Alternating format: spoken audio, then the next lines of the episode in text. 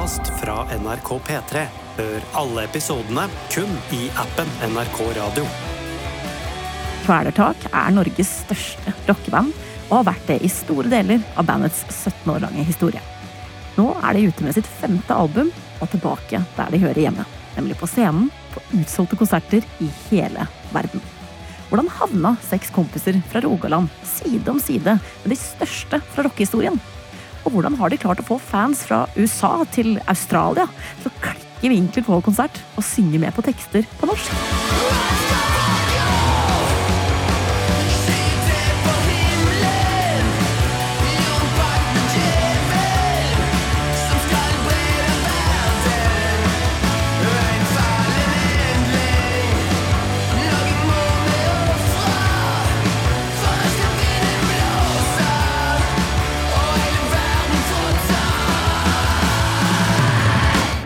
2000-tallet begynner det å skje et sjangerskifte i Rogaland.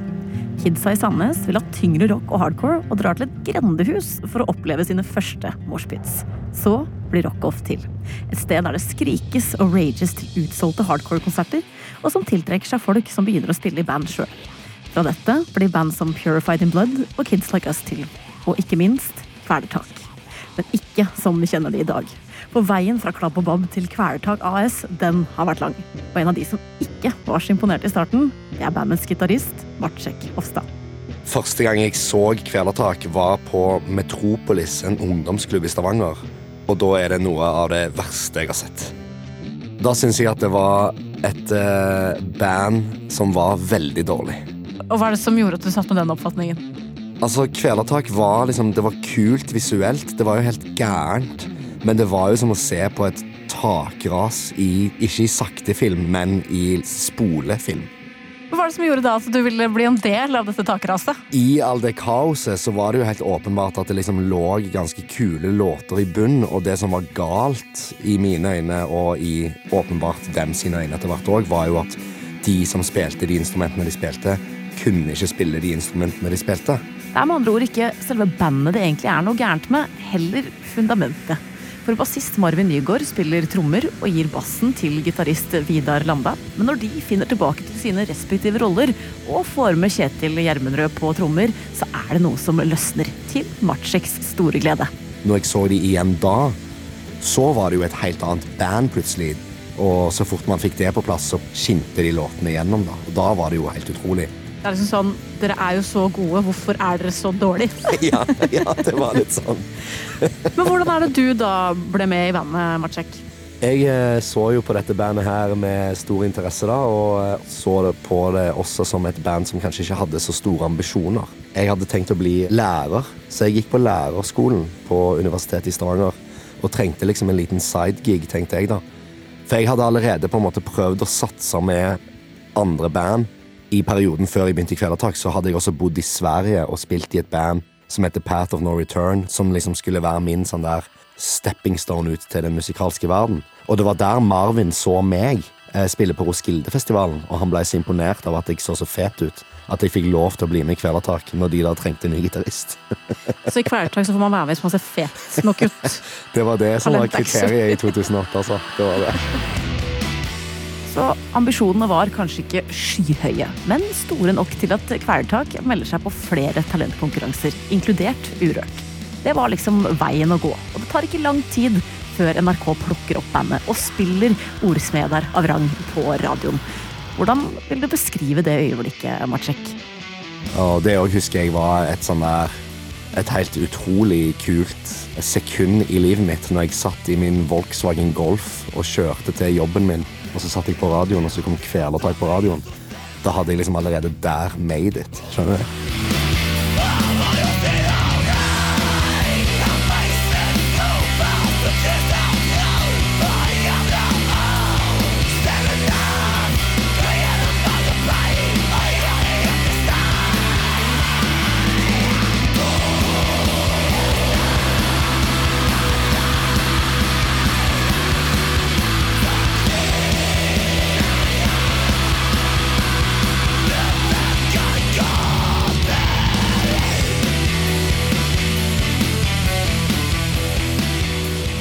Radiospilling er jo stas i seg sjøl, men Kvelertak syns også det var ganske fett å være med i samme konkurranse som Lars Vaular, Jon Olav Nilsen og gjengen og Fjorden Baby hadde vært med i før. Opplevelsen av å være med i Ørretfinalen var jo gans altså, den var utelukkende bare kul. Man følte liksom at man eh, var i samme bås som folk som jeg personlig så opp til, og at man var plutselig en del av et sånn, litt sånn større musikkmiljø enn det vi hadde lefla med bare hjemme hos oss. da. Eh, hos oss så kjente alle alle, og så plutselig med Urørt-finalen så fikk man liksom lov til å møte andre folk og på en måte kjenne litt på den der eh, Oi sann, vi som et egentlig ganske ekstremt metal-band får lov til å være med på det, var veldig stort for oss. da.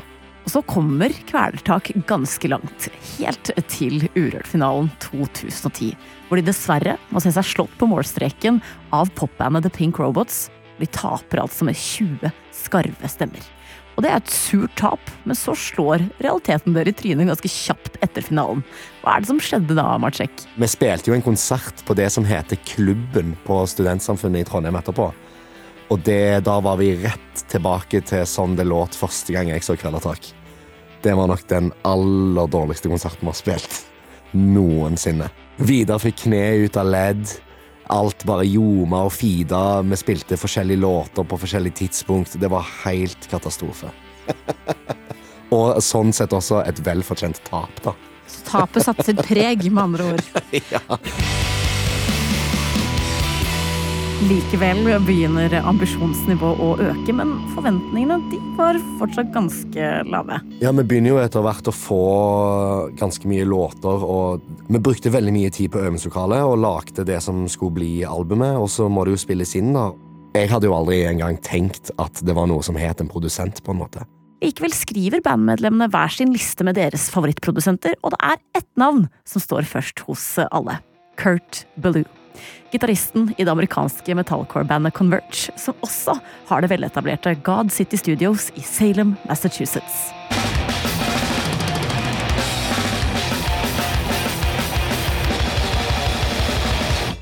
I 2009, som dette her er vel, så er jeg så stor Converge-fan at jeg eh, Altså, det er det eneste bandet som betyr noe for meg, og Kurt Balu har jo òg spilt inn veldig mye av den musikken som vi hører på som gjeng.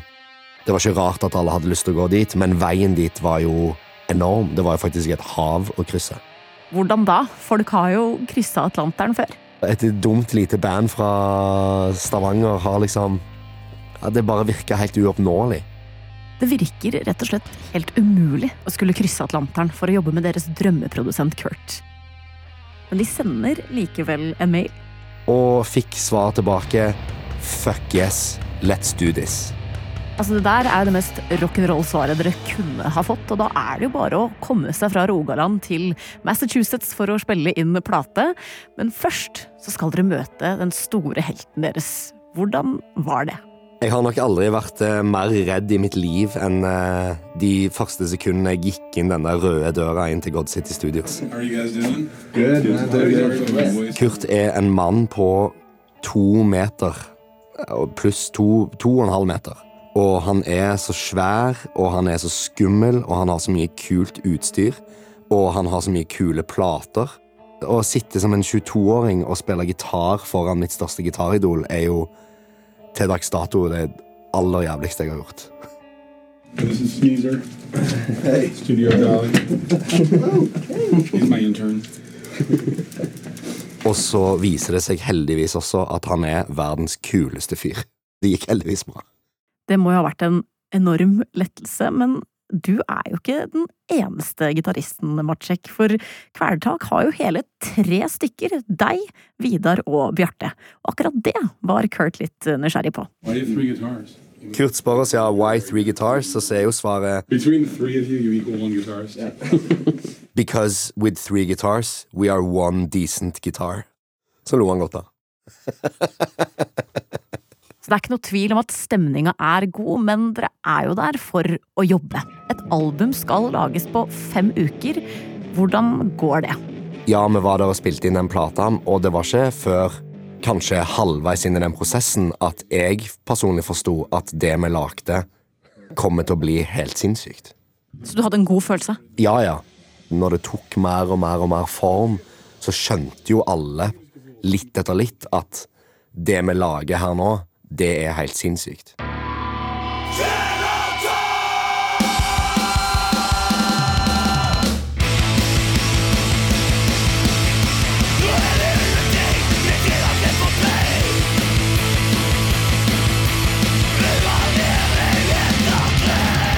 Den gode følelsen bandet har hatt, viser seg å stemme. For når debutplata Kvelertak kommer i 2010, er anmelderne ekstatiske. Altså Det jeg husker fra den tida der, når albumet kom, var jo når eh, Indie Recordings, som da ga ut den plata, ga oss en CD. Um, og jeg så alle de terningkastene på CD-en, for de hadde en klistremerke på CD-en. Og det var vel kanskje da jeg forsto at det hadde gått helt enormt bra. Men jeg visste jo ikke at det på en måte skulle katapultere oss inn i en karriere som skulle vare i 15 år. Det var det ingen som visste.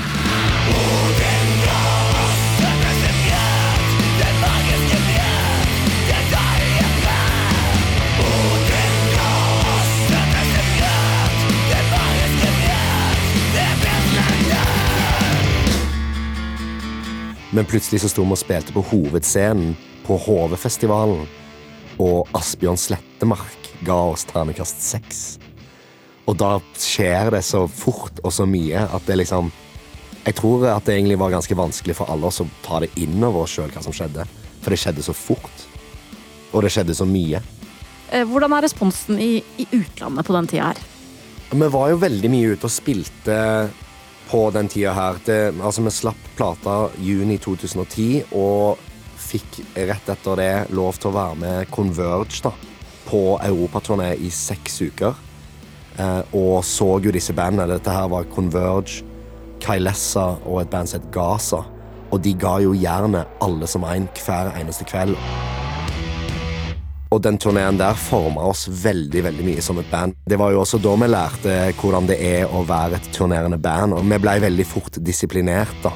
Og det var så fett å se, da, at, og jeg var så glad for at vi fikk oppleve den skolen som det var. Det var en turnéskole vi var på. Det høres ut som militæret for metal. Det var det det var. Det var beinhardt. Parallelt med at dere er ute og, og turnerer så hyppig, så selger jo Kvelertak-albumet veldig godt. Det oppnår faktisk gullstatus i Norge. Og når dere skal motta denne symbolske innramma gullplata, så er det ikke hvem som helst som overrekker. Nei, dette hadde jeg glemt. Det var Dave Grohl fra Foo Fighters. Det sier du altfor casual. Det du med på altfor casual måte. Hva skjedde der? Plutselig så står vi der inne på Telenor Arena og skal varme opp for Foo Fighters. Så er vi backstage og holder på, og så kommer det noen folk og peker ut til noen av oss. da, Og ber oss om å bli med nedi her og borti der. Og på andre sida av gangen så står Dave Grohl med disse gullplatene og overrekker oss disse gullplatene.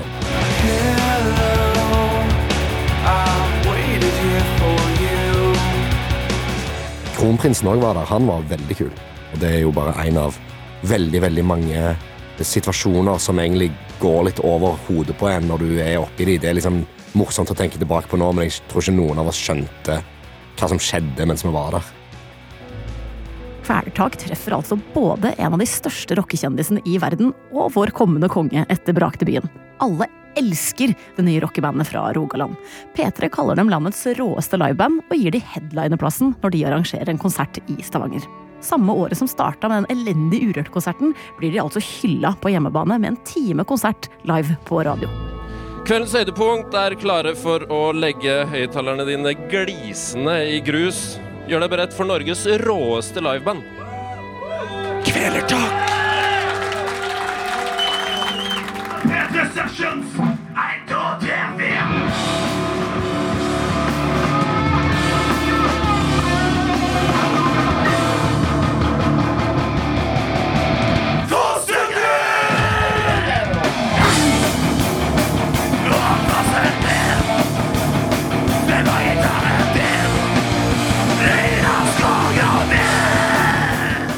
Nå forlater de Norge og reiser verden rundt store deler av året for å spille live. Og de merker fort at suksessen gjør at mange vil ha mer. Is there any plans to uh, start recording new material? Uh, you know, the follow up to Um, Yeah, we got a couple of new stuff, and uh, but it's it's hard, man, to to write when when you're so much out on the road. We've basically been on the road since we released the album, and we're we're gonna have to just make an album in the bus, En turnébuss er kanskje ikke det ideelle stedet å begynne å tenke på å lage et nytt album, men det må Kvelertak eh, gjøre innimellom alle konsertspillingene. For nå begynner det å bli serious business. Så ligger det jo hele tida i bakhodet at eh, vi må jo gi ut mer musikk og følge opp. Og, og etter hvert òg eh, så kommer det jo liksom litt mer sånn press fra plateselskaper og booking at på en måte Nå har vi en god greie gående her, dere er nødt til å steppe det opp. Ting ble veldig stort veldig fort. Nå er det på en måte ikke bare ambisjoner i bildet, men også forventninger fra folk med pengesekk. Ja, men heldigvis, og det, det, det takker jeg oss så jævlig for, at vi var, vi var liksom veldig naive i tilnærmingen til hva vi holdt på med. At vi liksom Vi gikk aldri på kompromiss med noe av det vi ville, og det vi trodde på. Og kanskje på godt og vondt, egentlig. Hadde vi hørt mer på plateselskapene og lagd mer liksom, store, grandiose album, hadde vi bytta til engelsk tidlig, hadde vi gjort sånn og sånn, så hadde det kanskje blitt større. Men jeg er helt sikker på at da hadde vi ikke vært et band i dag. Det er så deilig når man kan kikke tilbake og, og takke seg sjøl. Og her er det ikke noe tvil om at premisset var lagt for deres del. Hva blir veien videre? Vi vet at vi skal i studio, og det er Låtene begynner liksom å ta form. Jeg husker jeg møter Bjarte på T-banen, og han har lagd en demo av det som skulle bli Evig vandrer. Og så hører jeg den, og da, det var liksom første gang jeg tenkte Yes, dette kommer til å gå bra en gang til.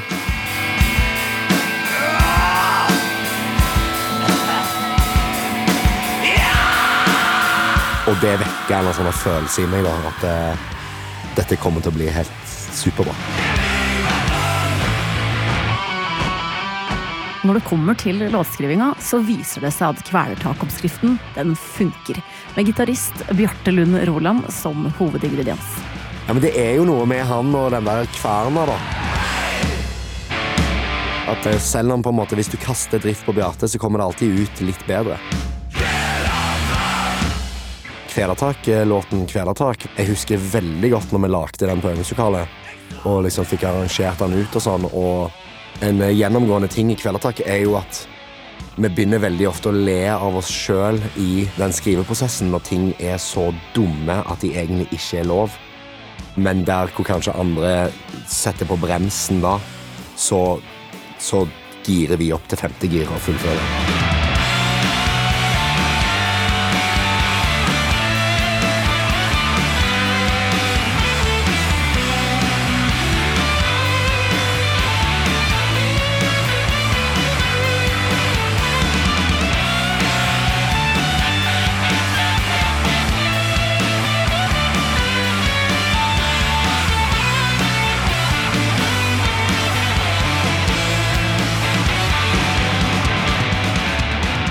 Grunnen til at den låten er siste spor på plata, var jo også for at vi var litt flaue over å ha lagd en så poppa låt i et så eh, hardt univers ellers.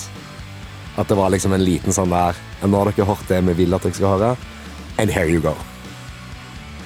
Det er jo en av deres aller mest populære låter, og stadig flere kommer på konsertene deres. Dere varmer opp for flere og flere band, og til slutt så ender dere opp med å få varme opp for verdens kanskje aller største heavy metal-band.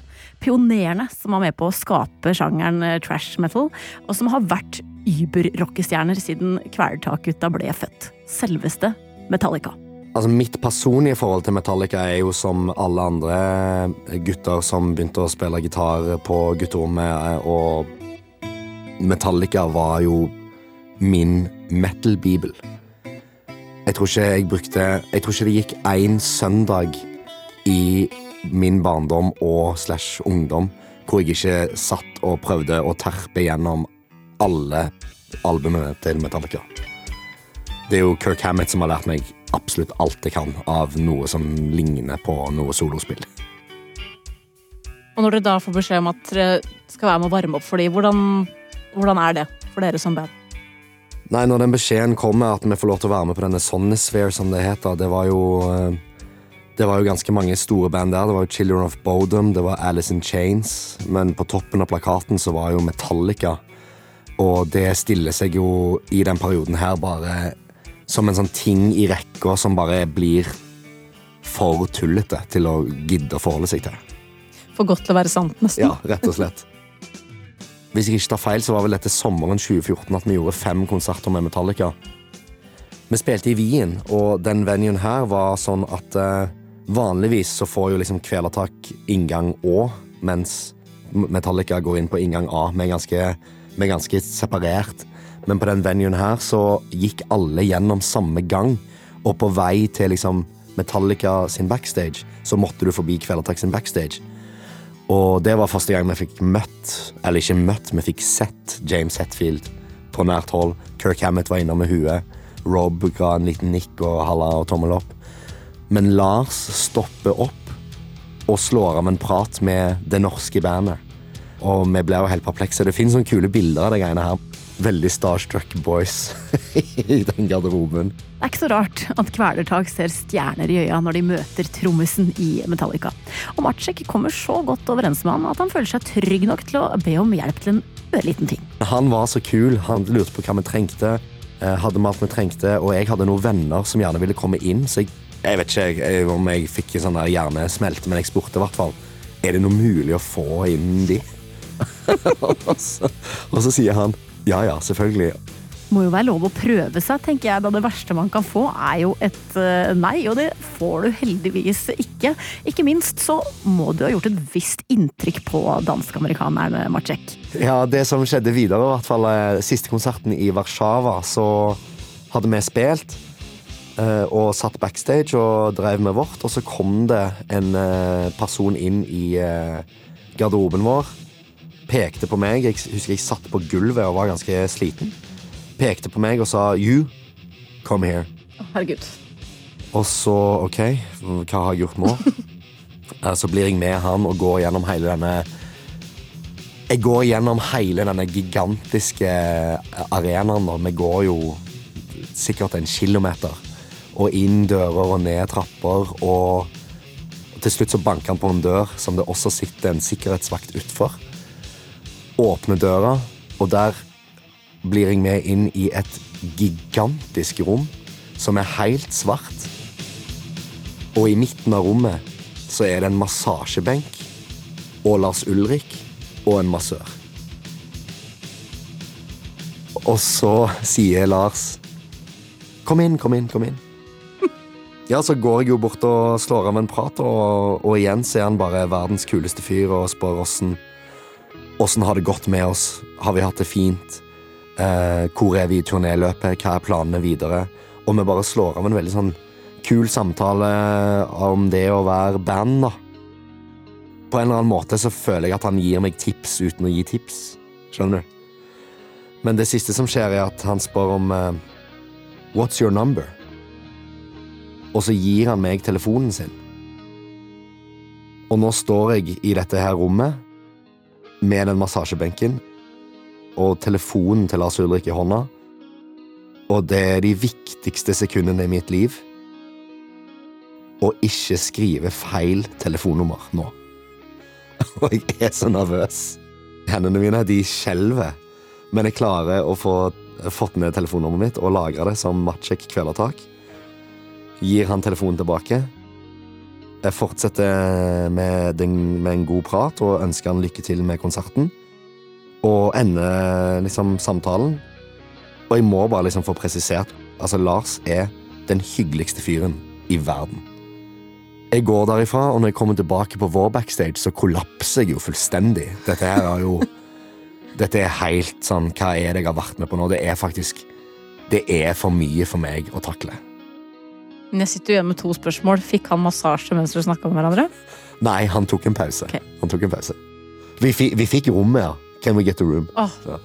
Men fikk du noe melding? Et par uker etterpå så var jeg hjemme og lagde mat i kollektivet mitt. Og så får jeg en melding fra Lars, men eh, min bestekompis på dette tidspunktet heter også Lars, så jeg tror at det er han. Og så åpner jeg opp telefonen, og der står det Hey man, thanks for an excellent time. Great to meet you guys. Keep on rocking, husker jeg. Keep on rocking. L.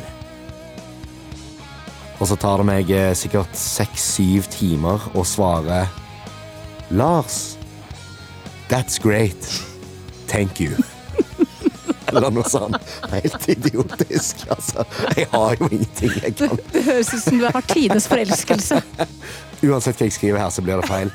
Men det som skjer videre med dette her Livet skal ha det til at vi møtes igjen. For vi blir invitert på turné med Metallica i 2017. Og når jeg da møter Lars, så er det første han sier til meg You never texted me back. Og jeg sier What? What do you mean? I texted you back. Lars Ulrik fikk aldri den tekstmeldingen som jeg skrev til ham.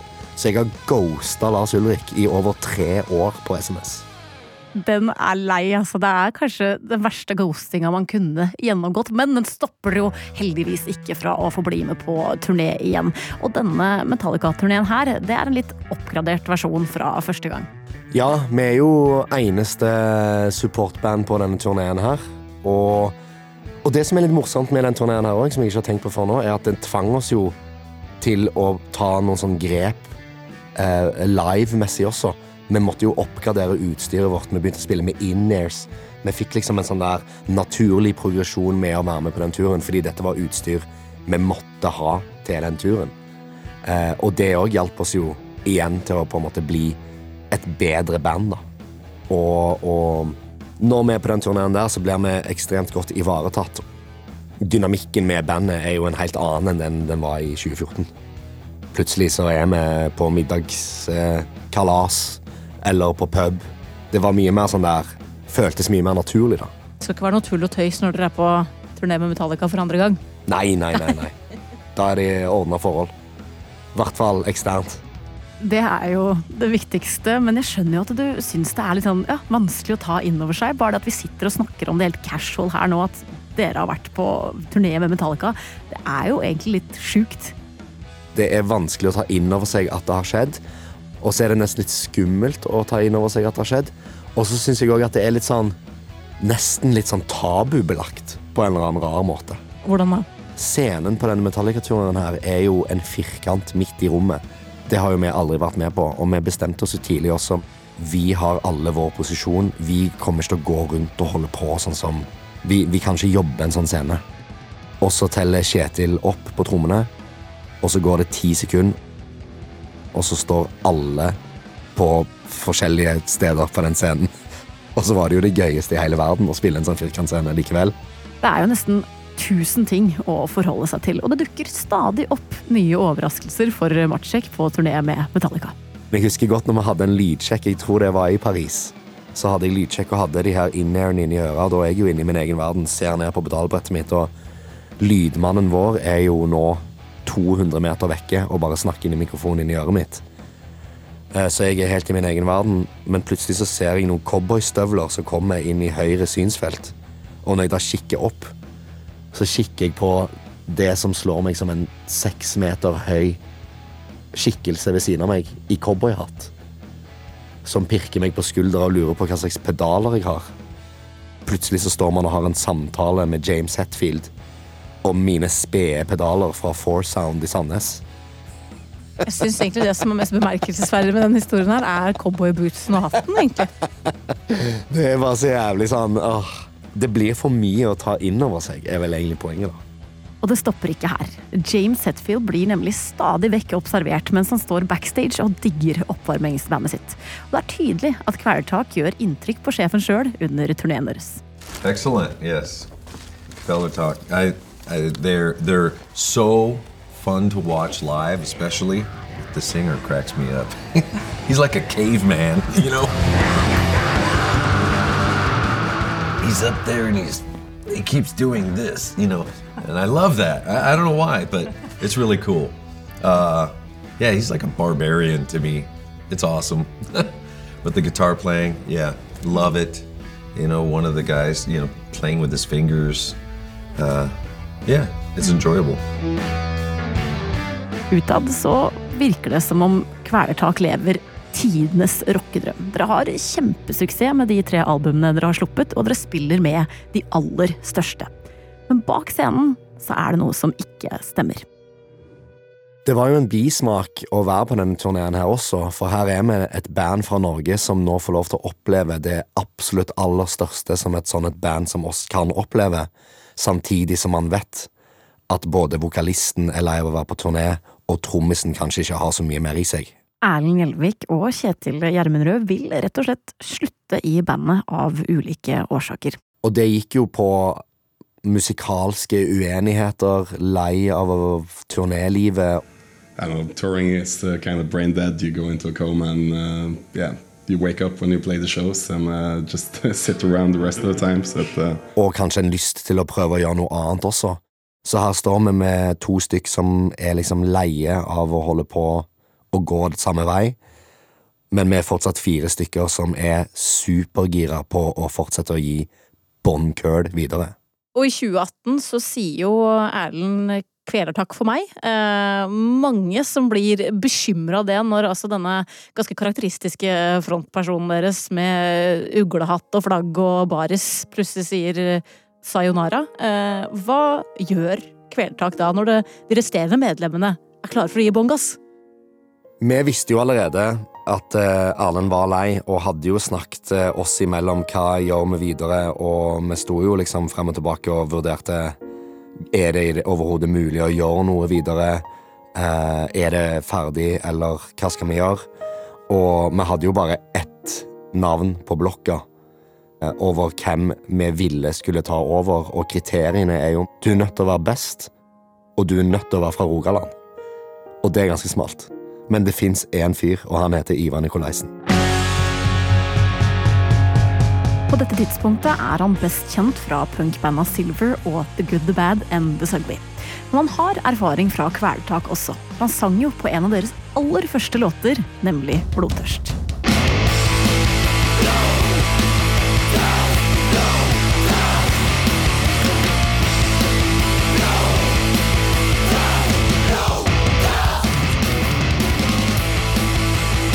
Ikke minst oppfyller han bandets to krav. Han er fra Moi, som er akkurat innafor fylkesgrensa, men hva er det som gjør han best? Å bytte vokalist er jo det skumleste man kan gjøre, men det var jo det som også var kriteriet vårt, da, at vi kunne liksom ikke gå ned, det måtte gå opp.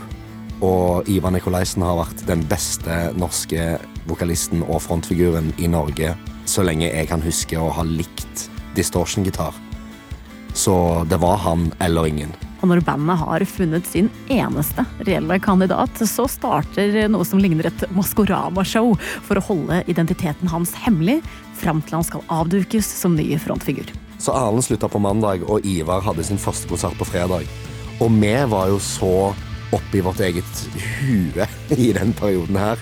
Vi kjørte jo Ivar med jakke over huet. Vi hemmeligholdt han inne på et rom på et hotell i Flekkefjord. Og alle glemte Ivar. Så Ivar satt helt alene på det hotellrommet, sulten og tørst, og lurte på hva er det som skjer. Så en ekstremt dårlig første arbeidsdag for Ivar i Kvelertak AS, da. Det høres mer ut som en gisselsituasjon enn at du skal bli en del av Norges største rockeband. Ja, men eh, den konserten der er den mest intense opplevelsen jeg har hatt. Det var en sånn seiersfølelse at eh, nå er vi der vi skal være, og nå Vi klarte det. Hva er det med Ivar da som gjør at du fikk den følelsen? Ivar er jo totalt rabiat. Han er helt klin hakka gæren, og han hopper uredd oppi det. Det tok jo ett sekund for han å bli fullverdig medlem i det orkesteret.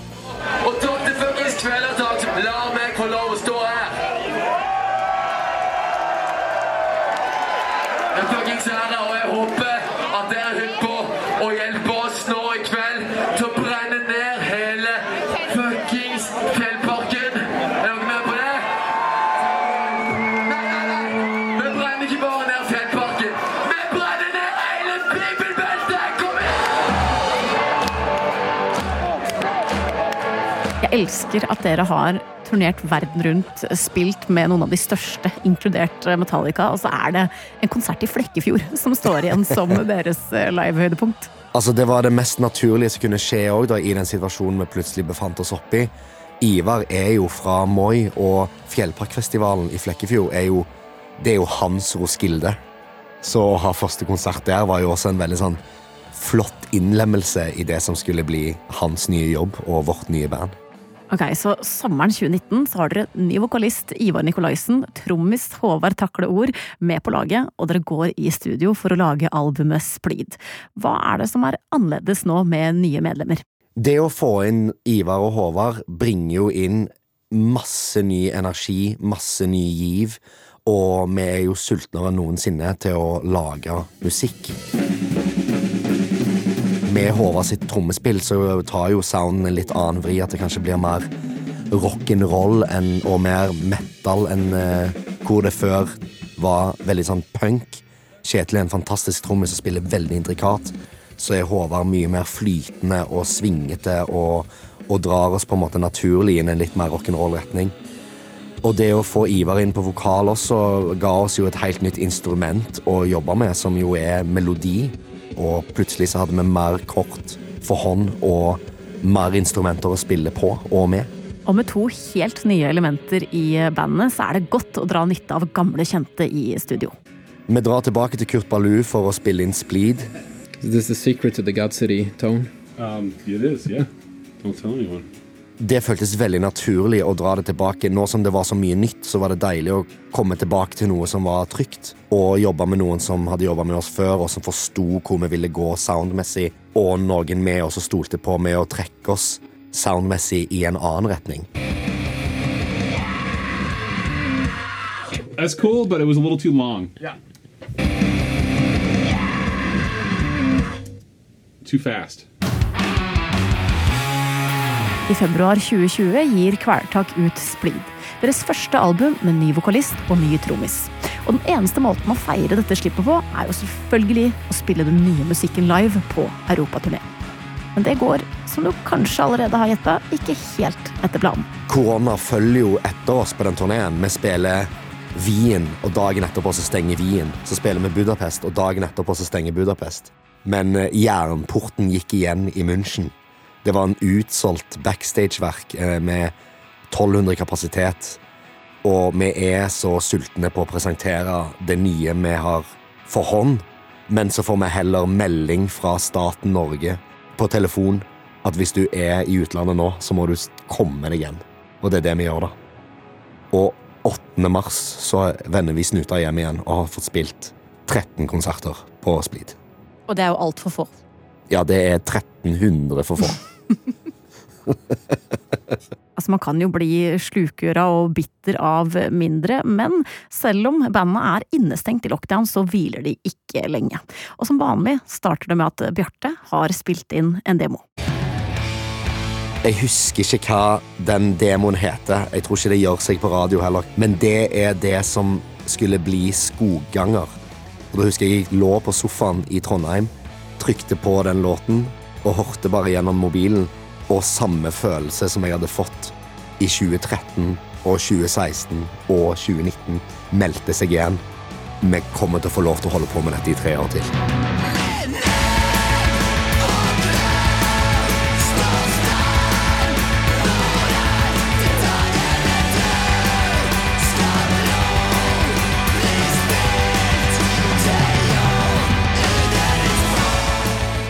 Så denne demoen blir jo det første lille frøet som blir sådd, og senere vokser seg til å bli eh, albumet dere nylig slapp, Endling. Som skaper stor forvirring hos veldig, veldig mange, takket være tittelen.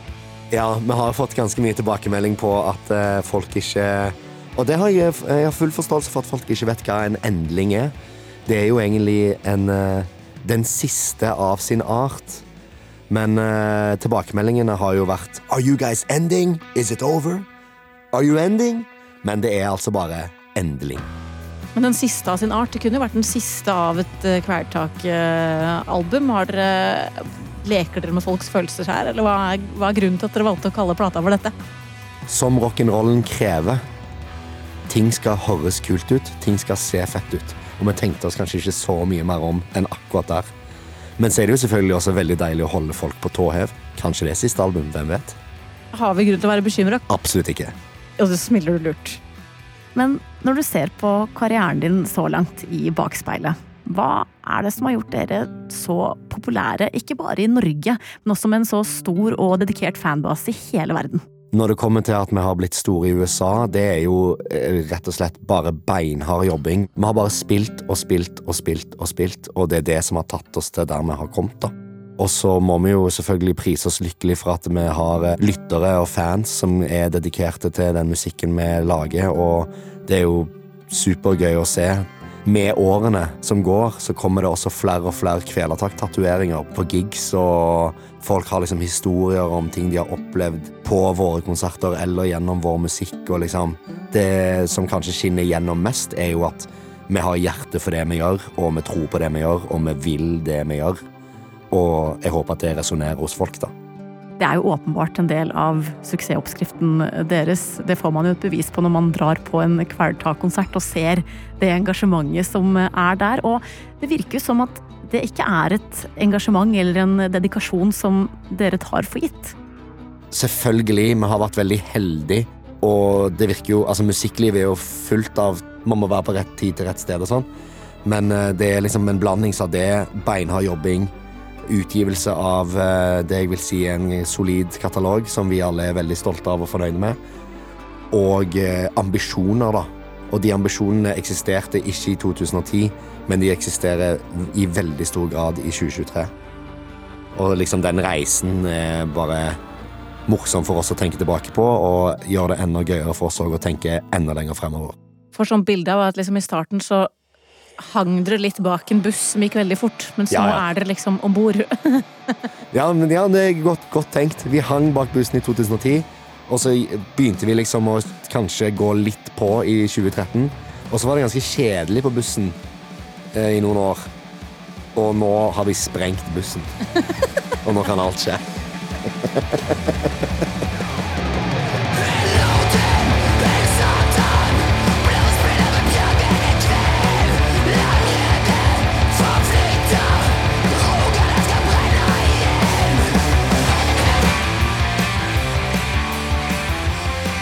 Du har hørt en episode av Musikkrommet.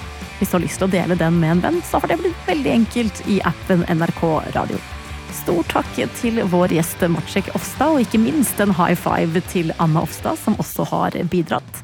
Denne episoden er laget av Amund Grepperud, Jean Kristin Sena, Marianne Myhrol, Eivind Bratte Valberg og meg, Anna Nord Sørensen.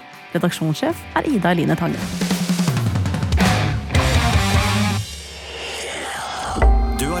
Podkast fra NRK P3.